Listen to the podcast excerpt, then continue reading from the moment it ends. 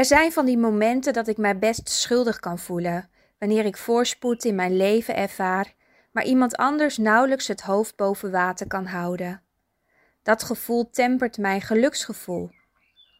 Misschien herken je van die momenten dat je even lekker van het leven wilt genieten, maar door een opmerking of door een situatie komt er van dat genieten niet veel terecht. Heb je het bijvoorbeeld net financieel goed voor mekaar, dan hoor je zondag in de kerk een preek over de rijke jongeling.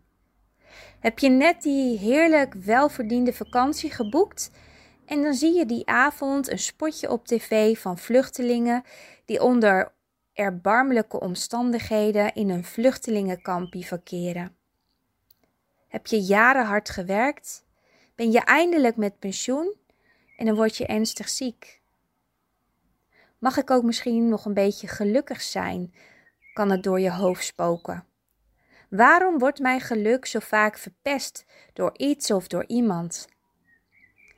Blaise Pascal, een wiskundige en filosoof, zei eens: Er is een door God geschapen vacuüm in het hart van elk mens, dat niet kan worden vervuld door iets wat geschapen is, maar alleen door God de Schepper aan ons bekendgemaakt door Jezus.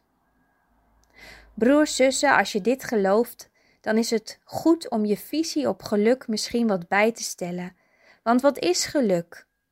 Je kunt geluk makkelijk verwarren met iets krijgen of iets kunnen kopen. Maar dit soort geluk kan zo van je worden afgenomen. Is het daarom niet beter dat we meer op zoek gaan naar onbedreigd geluk? Dit geluk richt je ogen naar boven. Het is geen geluk dat toevallig op je weg komt.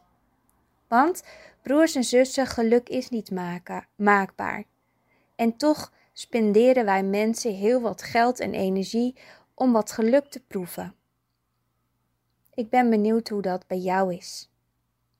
Op zich is het natuurlijk niet gek dat we op zoek zijn naar geluk, want het is een overblijfsel uit het paradijs en we mogen weten dat er een vernieuwd pakket geluk klaar ligt in de hemel. Alleen zitten we nu nog in een tussenfase. We leven tussen het paradijs en de wederkomst in. Soms proeven we iets hemels, maar helaas is dit maar tijdelijk, want het volmaakte geluk is hier op deze gebroken aarde nog niet aanwezig. Wat is onbedreigd geluk?